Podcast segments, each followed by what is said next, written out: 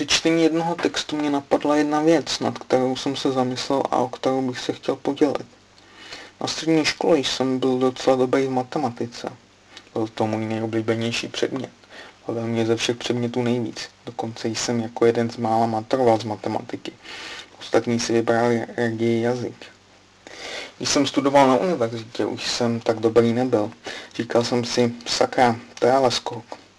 To je o hodně těžší než na střední, na to nemám. Nechápal jsem, proč se nějaké dvojné, trojné integrály a podobně vůbec dělají.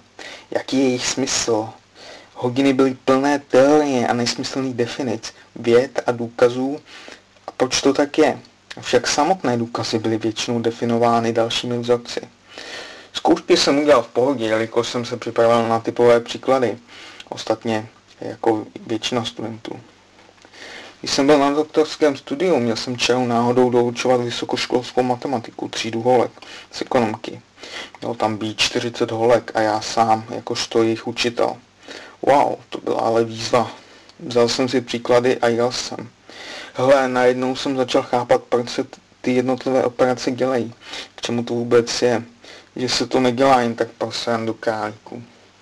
Matika mě začala zase bavit. Šel jsem na to doučování a odpřednášel si tam asi 9 hodin za ten den. Byl to pro mě docela úspěch a dodalo mi to hodně sebevědomí v ten den. Ovšem poté jsem matematiku potřeboval už jen na doktorské zkoušce, kterou jsem udělal výborně. Bylo to však trochu z jiného soudku než nějaké integrování, derivování matice a podobně. Bylo to z inženýrské statistiky, co se taky hodí.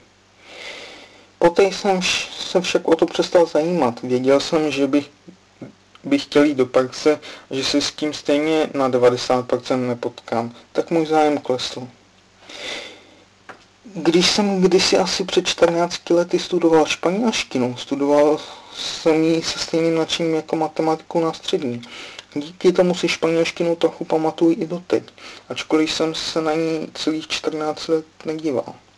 Klasické hodiny ve škole mi však vzali takovéto nadšení do studia jazyku. Bylo to stejné jako na výšce při studiu teorie v matematice.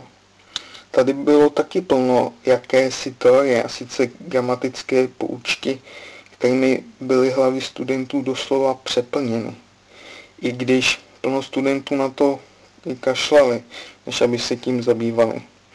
A pak jen slyšíte ze strany učitelů, máte se učit a podobný kecičky. Já se nedivím, že na to lidi kašlou, když je to tak příšerně únavný a otravný. Když jsem objevil, jak se učit jazyky svým vlastním způsobem, našel jsem ono nadšení, ono zanícení, které mi chybělo. Je to jako s tou matematikou na výšce.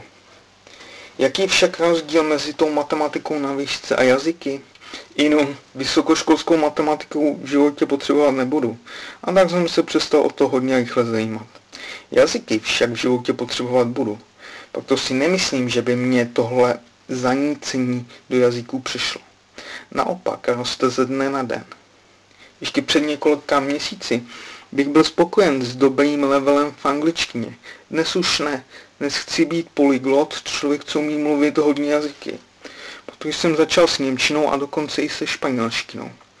Nyní jen díky entuziasmu zvládnu to, co jiní ne. A tak je to úplně ze vším. Vůbec to není o tom, o chytrosti. Kdyby jo, byl bych asi genius, hehe.